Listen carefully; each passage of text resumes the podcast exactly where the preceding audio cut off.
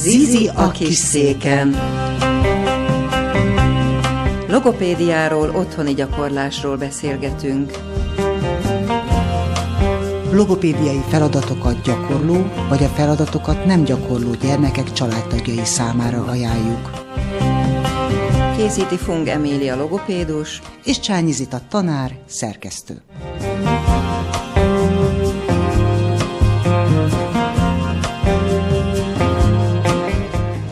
Zizi a kis széken.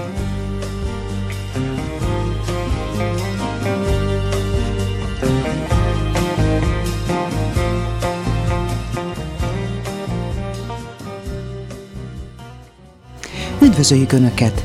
Ez itt az Izi a kis széken podcast sorozat hetedik adása. Legutóbb a helyes nyelésről beszélgettünk, valamint arról, hogy milyen összefüggés van a testtartás, a légzés, a nyelés és a beszéd között. A mai az utolsó találkozásunk. Ma a fiatal felnőttek beszédtechnikai lehetőségéről beszélgetünk, és megválaszolunk néhány kommentben felmerült kérdést.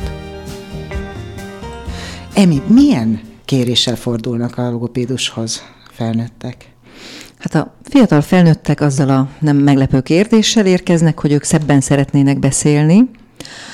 Tehát határozottan tudják, hogy mit akarnak? Vagy van egy valamilyen elképzelésük? Így van, nekik van egy elképzelésük, nekem is, és ezt össze kell hangolni. Igen, hogy ez nem mindig ugyanaz. Sőt, sőt, ez döntően nem ugyanaz, mert azt szokott kiderülni, hogy miközben én már régóta mindig azt tanácsolom, hogy akkor próbáljunk ki egy ilyen foglalkozást, lássuk, hogy ez hogy történik, milyen fajta feladatokat csinálunk. Most is egy ilyen feladatsorból érkezem, egyéni vagy csoportos formában, akkor azt mondják, amit mi a mi megfogalmazásunkban retorikai képzésnek nevezünk. Tehát, hogy a én a beszéd formai oldalára gondolok, és a kommunikációnak erre a verbális és nonverbális részére, és Aha. ők pedig a megfogalmazásra gondolnak, oh. ami szintén hozzátartozik a kommunikációhoz, de e- tehát, hogy ez, ez évek során derült ki számomra ilyen világosan, hogy ők azt akarják megtudni, hogy hogyan kell azt mondani, hogy jó napot kívánok, ezt a könyvet szeretném megvásárolni. Valójában erre van szükség, hogy ilyen egy, meg három mondatokat tudjanak mondani. Hogy ebbe biztosak legyenek? Tehát, hogy, hogy úgy tudjanak odaállni? Mert ez akkor alapvetően nem is egy logopédiai kérdés, hanem sokkal inkább valamilyen önismereti vagy önfejlesztési kérdés. Ez itt már mindig, már a kamaszbeszédnél is. Aha. gondoltunk ilyesmire, de itt ez már mindig. Ezzel a megfogalmazással nem szoktak érkezni az emberek, uh-huh. tehát hogy ez nem szokott az ő fejükben lenni, de mindig ez történik, hogyha bármilyen módon így kívülről befelé technikailag elkezdünk ezen változtatni. Mert az jutott eszembe, hogy például azt el tudom képzelni, hogy valaki viszonylag tájékozatlan a lehetőségekben, és akkor oda érkezik, hogy mit tudom én, úgy szeretnék beszélni, mint XY színész. Tehát ezt el tudom képzelni. Igen, vagy van. színész akarok lenni, Aha. vagy mm, riporter szeretnék lenni, vagy küldtek, vagy csak én magamnak gondolom. Az a legritkább eset, amikor valaki így hobbi szinten érkezik, uh-huh. és ők viszonylag gyorsan szoktak aztán el, elmaradozni is, és viszonylag nagy az a, a, a presszióból érkező ember. Azt mondták a munkahelyemen, hogy ha továbbra is így hadarok, akkor el fognak engem küldeni, vagy más pozícióba fognak helyezni. De hogy visszatérve erre a, a magabiztosságra, talán inkább arról van szó, hogy hát igen, de hogy adott helyzetben tudja létrehozni azt, a mondatot, vagy azt a kijelentést, vagy azt a megfogalmazást, amikor erre szükség van. Tehát ez gyakorlatilag arról szól, hogy ha én belépek valahova, akkor higattan, jól artikulálva elő tudjak valamit adni. Ne fagyjak le. is, így van, és hogy azt üzenjem magamról, amit én akarok. Uh-huh. Mert ha én úgy lépek be, hogy azt mondom, hogy Kovács Juliska vagyok, és azért jöttem, mert itt szeretnék dolgozni, akkor lehet, hogy én egy komoly munkaerő vagyok, de az üzenetem, ami nem is tudatosan, csak így küszöb alatt átadódik, az mást üzen. Nem leszek, véletőleg nem leszek De szimpatikus. azt, hogy ő így beszél, azt viszont egy külső visszajelzésről kapja, vagy től kapja. Nem? Mert azért azt kevéssé tudom elképzelni, hogy valaki tudja magáról, hogy, hogy így beszél. Így van, így van. Nem azért jön ide, mert tudja magáról, hogy így beszél, nem azért akar egy ilyen kurzuson részt venni, hanem azért, mert kapott olyan visszajelzéseket, hogy ő nem beszél jól, ezt ilyen általánosan. Uh-huh. És hogy ebben mit kell változtatni, azt sem fogalmazza meg, és még én se fogalmazom meg az ő számára nagyon sokáig, csak technikai feladatokat végzünk, és amikor létrejön egy kongruens kommunikáció, tehát ahol a verbalitás meg a nonverbalitás ugyanazt üzeni, egymást támogatva, Aha. akkor adom meg azt a jelzést, hogy uh-huh, így, így gondoltam, ez a jó. És erre még mindig kaphatom ugyanazt a választ, mint a hadaróknál, hogy nem, hogy ez nem jó az ő A hadaroknál beszéltünk arról, hogy sokszor felvesz, felveszitek a mhm, hangot, uh-huh. Igen. és utána visszajátszod. Uh-huh. Itt is szoktad ezt a technikát használni, és érzik, vagy rátanulnak a különbségtételre, vagy itt ez nem is használható? De, sőt, ezt ezt a fajta kurzust elég jól lehet csinálni online is, tehát hogyha bármilyen akadálya van az élő jelenlétnek, akkor ott azt ott is fel lehet venni, meg élő jelenlétben is lehet ilyen felvételeket készíteni, és igen, ezt vissza szoktuk nézni. Először nem a saját produkciónkat, hanem először a hupikék törpikékből szoktunk részleteket nézni, mert ott annyira egyértelmű hangkaraktereket lehet hallani, hogy ott meg lehet fogalmazni, hogy ki hogyan beszél, és akkor azt is meg lehet fogalmazni később, hogy én hogyan beszélek. Be tudunk mutatni esetleg valami érdekes gyakorlatot? Hogyne, hogyne. Hát sajnos a sárgarépa karikákat nem lehet majd látni, amit mindjárt bekapunk a szánkba, és nem fogjuk megenni. De hogy úgy fogunk most artikulációs gyakorlatot végezni, hogy nagyon határozottan a, a nyelvünket ügyesítjük közben, tehát hogy a, az arcunk izmait egy kicsit most ki fogjuk kapcsolni, és Elárulom, hogy egy rejtőszöveg részlet következik, hogy mindenki, aki fülel, annak legyen egy kicsike támpontja, hogy egy párbeszédet fogunk felolvasni úgy, hogy a két fogsorunk közt van egy sárga répakarika, és igyekszünk úgy artikulálni, hogy azért ez a szöveg valahogyan megérthető legyen. Legyél te a zöldel aláhúzott, oké? Okay? Oké, okay, mehet. Uram, a késemért jöttem. Hol hagyta? Valami van. Milyen kés volt?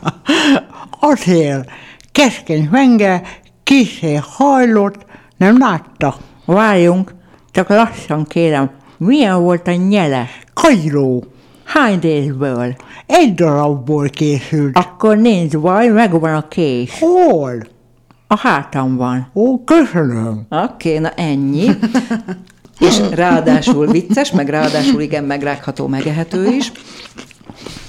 Mit, mit, érezt, mit éreztél, és mi volt a stratégiád? Ezt szoktam kérdezni a felnőttektől is. Elnézést közben elkezdtem rákcsálni a répát. Nagyon viccesnek találtam, Aha. egyfelől. Nagyon élveztem, hogy hogy érthetővé sikerül Aha. alakítani a szavakat, akkor is, hogyha ott szorongatom a fogaim között a répát. És hát ő, nyilván egy kicsit más volt a hangom, gondolom én. Így van. És mi volt a stratégiád a stratégiám, hogy meg lehessen ezt megjelent érteni? a fejembe, megjelent a fejembe a szám, megjelent, Aha. megjelent a figyelmem a nyelvemen, uh-huh láttam a szemeim előtt a nyelvemet, hogy Aha. küzd Aha. a sárga répával, meg az összeszorított fogsorommal, és az, a látványon keresztül igyekeztem úgy alakítani uh-huh. a nyelvhasználatomat, hogy, hogy abból legyen valami értelmes szöveg. Oké, okay. mondom az én stratégiámat, Igen. ami ugye nem kell, hogy azonos legyen, hanem mindig ezt kérdezem mindenkitől, hogy kinek mi a maga számára alkalmas. Én lelassítom Uh-huh. Egy, valamicskét lassítok a tempón, a ritmust igyekszem megtartani, a, hogy a hallgató el tudja kapni hogy mi ez a szó pontosan. Hogyha ez én azt nem... gondolom, hogy ahogy én a figyelmemet ráhelyeztem a nyelvemre, ott gyakorlatilag ugyanez, ugyanez történik. történik. Persze, mm. persze. Így van, így van. Oké, okay. és akkor hoztunk még egy egyáltalán nem könnyű, hanem viszont nehéz ritmusgyakorlatot, mert hogy nagy mozgásos ritmus gyakorlatokat nem tudunk itt bemutatni, azonban egy szöveges ritmus gyakorlatot mutatunk. Először közösen el fogjuk olvasni ezt az összesen hat verssort, ami vastagon van írva, azt hangban is kiemeljük egy picit. Tehát olyan, mint hogyha oda koppintanánk, de most hangban koppintunk oda, és közösen beszélünk, hogy ne felejts réten, fűzfa beregben, hajlik a lila láng, ide-oda lebben. Gyerek is voltam, apró eszemen, fogtam békát, lőttem verebet. Most együtt fogunk beszélni úgy, hogy te valamelyik versszakot mondod, melyiket szeretnéd? A másodikat. Én meg így, így ezután az elsőt, és miután nem azonos helyen lesznek a kiemeléseink, ennek lehet egy szépen megszólaló hangzása, hogyha jól csináljuk, közösen kezdjük, hogy Gyerek is voltam, apró eszemen, fogtam a légát, lőttem verebben. Hát ez egy nagyon jó élmény. Igen. Az hát ez, ez egy nagyon mindig. jó élmény, uh, azt meghallani azt a zeneiséget, amit a beszéd ad. Így van, és akkor vannak azok a, ugye fiatal felnőttekről beszélünk, a gyerekek elég ritkán szoktak az valamit mondani, hogy ők azt nem tudják megcsinálni, vagy akkor jó belátással valóban nem tudják megcsinálni. A felnőttek ezekben különösen a kezdeti gyakorlás során azt mondják, hogy ők nem tudják megcsinálni ezt a feladatot, ők nem tudnak jól ritmizálni, mert nem tudom, nem tudnak táncolni, meg Aha. ilyesmit, vannak ilyen bevésődéseik, és ezt, ha csak egy pici bizalmuk is van, akkor ezt könnyű megváltoztatni, és akkor amint hozzájutnak ehhez a jó élményhez, ehhez a jó érzéshez, akkor úgy azonnal tudják már sikeresen gyakorolni. Azt akartam mondani, hogy alkalmazni, de nem, hanem sikeresen tudják gyakorolni, és akkor a gyakorlás, gyakorlás, gyakorlás rutinja az, amivel ezt ki lehet vinni az életbe. Én a gyakorlást alapvetően nagyon fontosnak tartom uh-huh. az életben, a mindennapokban, ami, ami persze kiterjed aztán mindenféle dolog gyakorlására. Rá tudod vezetni erre a fajta minden percben, vagy akárhol gyakorlásra a hozzád fordulót? Talán egy kicsit én is gyakorlottabb vagyok már ebben, hogy hogyan lehet ezt kínálni, és a, a folyamat úgy szokott történni, hogy van konkrét otthoni házi feladat, ami olyan konkrét, és van valamilyen szemlélődő feladat. Tehát, hogy amikor, és amikor megy az utcán, vagy a könyvesboltban, vagy a közértben, akkor figyeljen meg valamit, tehát, hogy nem kell aktívan csinálni semmit, hanem befogadva kell ezt megfigyelni és analizálni, és hogyha megvan ez az analízis, akkor később jön ilyen feladat, hogy akkor legyen legyen a vásárlás valamilyen saját maga által megfigyelt feladat, vagy legyen a buszon állás egy saját maga által már aktívan kivitelezett feladat. Ilyenkor folyamatosan önmagát figyeli. Így van. Igen, elő, átvált a mások megfigyeléséről a saját magának a megfigyelésére, és ezt a felnőttek szerintem elég szívesen csinálják, tehát hogy ez egy elég jól teljesíthető feladat ez, számukra. Ez egyébként elég közel van a mindfulnessnek a, a gyakorlataihoz. Mm, igen, igen, igen, tehát hogy megfigyelem azt, hogy igen. Mit, mi történik bennem, milyen uh-huh. testérzeteim vannak, milyen gondolatokat szül, milyen érzelmeim vannak. Igen, így van. Ez uh-huh. talán egy picit följebb van, vagy az nem jó szó, hogy felszínesebben, de a felszín felé van ez még inkább, mert uh-huh. hogy ezek technikai ügyek. Igen, de ez a technika, ez, ez abban segít, hogy minél inkább befelé figyelj, uh-huh. minél jobban elmélyül magadban, és egyre inkább megismerd magad a beszéden keresztül. Így van. Sok mindenről beszélgettünk ebben a podcast sorozatban, míg az ovisoktól eljutottunk a felnőttek beszédéig, és ez az utolsó adásunk. Hm. Érkezett pár komment, uh-huh. amikor a Facebookon és máshol megosztottuk azt az örömünket, hogy megcsináltuk ezt a podcast sorozatot. Meg élő találkozásban is. Ó, milyen visszajelzéseket kaptál? Hát élőben például az nagyon jellemző, hogy több hölgy válaszolta azt, kollega is, és családanya, régebben logopédiázós családanya is, hogy ők a konyhában hallgatták a podcastot, tehát hogy az egyikük egy vacsora készítésnyi idő alatt uh-huh. hallgatta meg a kamaszbeszédet, a másikuk pedig egy reggeli elpakolásnyi idő alatt, és ezt kérdezték, hogy ez szándékos volt-e, és mi ezt szándékos tényleg... Ez, ez teljesen szándékos így, így találjuk, Én magam fürdőszoba takarítás közben hallgatok podcastot, de ez remek konyhában Én vezetés közben hallgatok. Uh-huh. Nagyon, mostanában nagyon-nagyon sokat kellett vezetnem, és elképesztő jó podcasteket találtam. Na, hihetetlen jókat. Uh-huh. Milyen kérdések merültek fel? Az, az konkrét kérdés volt, a szülők részéről, hogy a szülők élőben miért nem kapnak ilyen fajta tájékoztatást nem kapnak? a logopédiai foglalkozással kapcsolatban. Nekem erről az az a véleményem, az az elővételezésem, hogy de igen, csak ők talán a törődő családok, akik elébe mennek a problémának, mert hogy otthon ők tapasztalják, hogyha megvárják, vagy összetalálkoznak mondjuk az óvodai logopédus véleményével, akkor úgy gondolom, hogy de igen. Tehát, hogy úgy tudom azért elképzelni a kollégák munkáját, hogy ők ugyanígy megadják ezt a tájékoztatást, csak lehet, hogy ők egy öt éves korú gyerek számára akarják megadni azt, amit mondjuk egy négy vagy három éves korú szorgalmas család szeretne már hallani. Hát ez az egyik, a másik szerintem az, hogy ezt vissza lehet még egyszer hallgatni, meg még egyszer. Uh-huh. Ha, lehet, hogy valami elkerülte a figyelmemet, de mintha lett volna ott arról szó, hogy, és akkor meg lehet keresni. Szerintem ez egy fontos dolog. Így van, és talán az, amit most én egyfolytában tapasztaltam, hogy szerencsére te sokszor kérdeztél mást, mint amiről én akartam beszélni, és így azután ez nem olyan logopédiás, tanácsadós beszélgetés volt, így lehet, hogy egy más szemszögből lehet hallgatni ezeket az információkat. Említetted, hogy egy logopédus kollégád a ritmizálás fontosságát húzta alá, uh-huh. kicsiknél is, nagyoknál is. Nekem erről az jut eszembe, hogy állok a sorban, Igen. a közértben, uh-huh. és ha elolvasok egy feliratot, akkor megpróbálom felfedezni, hogy abban van-e valami ritmus számomra. Így van, és az lesz is, és mondjuk, hogyha te a, az óvodással állsz ott, uh-huh. akkor neki azt véssük be azzal, hogy hát most ez jutott eszembe, hogy árleszállítás, uh-huh. ez talán előfordulhat, és hogyha ezt a ritmust elmondjuk a sorban átsorogva úgy, hogy közben topogunk hozzá, és ilyen jó erősen emeljük ki ugyanúgy ezt hangban, mint az előbb mi a versben, akkor akkor azt készíted elő, hogy amikor ő majd iskolába lép, és ennek a helyes Igen. írását tanulja, akkor a fülében lesz ennek egy jó megszólaló élménye, és helyesen fogja magának diktálni vélhetőleg ezt a szót. Hogyha te felnőtt vagy, és az volt a feladatod a beszédtechnika foglalkozáson, hogy a következő órára vigyél egy hosszú szót, amit lehet tánclépésben mutatni, akkor ez erre valószínűleg megint alkalmas lesz. Ki is próbálhatod a sorban azt, hogy erre hogyan tudsz lépni.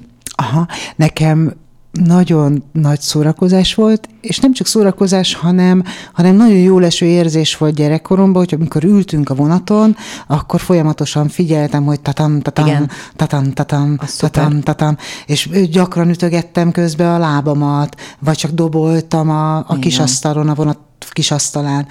És ez egy borzasztóan jó élmény volt. Igen, ez nagyon stabil és biztonságos. Igen, lehet rá, és lehet rá eszedbe jut juttatni verset, hogyha ott ül a felnőtt is a vonaton, akkor erre pont ezt lehet rámondani, hogy most nem tudok egy verset Ez azt sem. jelenti, hogy gyakorlatilag nincsen olyan helyzet, ahol ne tudnánk gyakorolni. Így van, persze.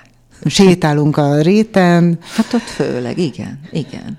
Kutyáz, kutyázunk éppen. Kutyának kiabálni, kutyának mindig ugyanazt kell kiabálni, vagy mindig ugyanazt érdemes mondani, mert akkor fog leülni. Annak még a dallama is azonos.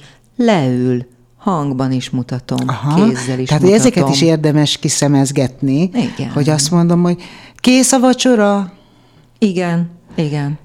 Rakodás, Megfőtt rakodás, a tojás? Igen, mm. igen, igen.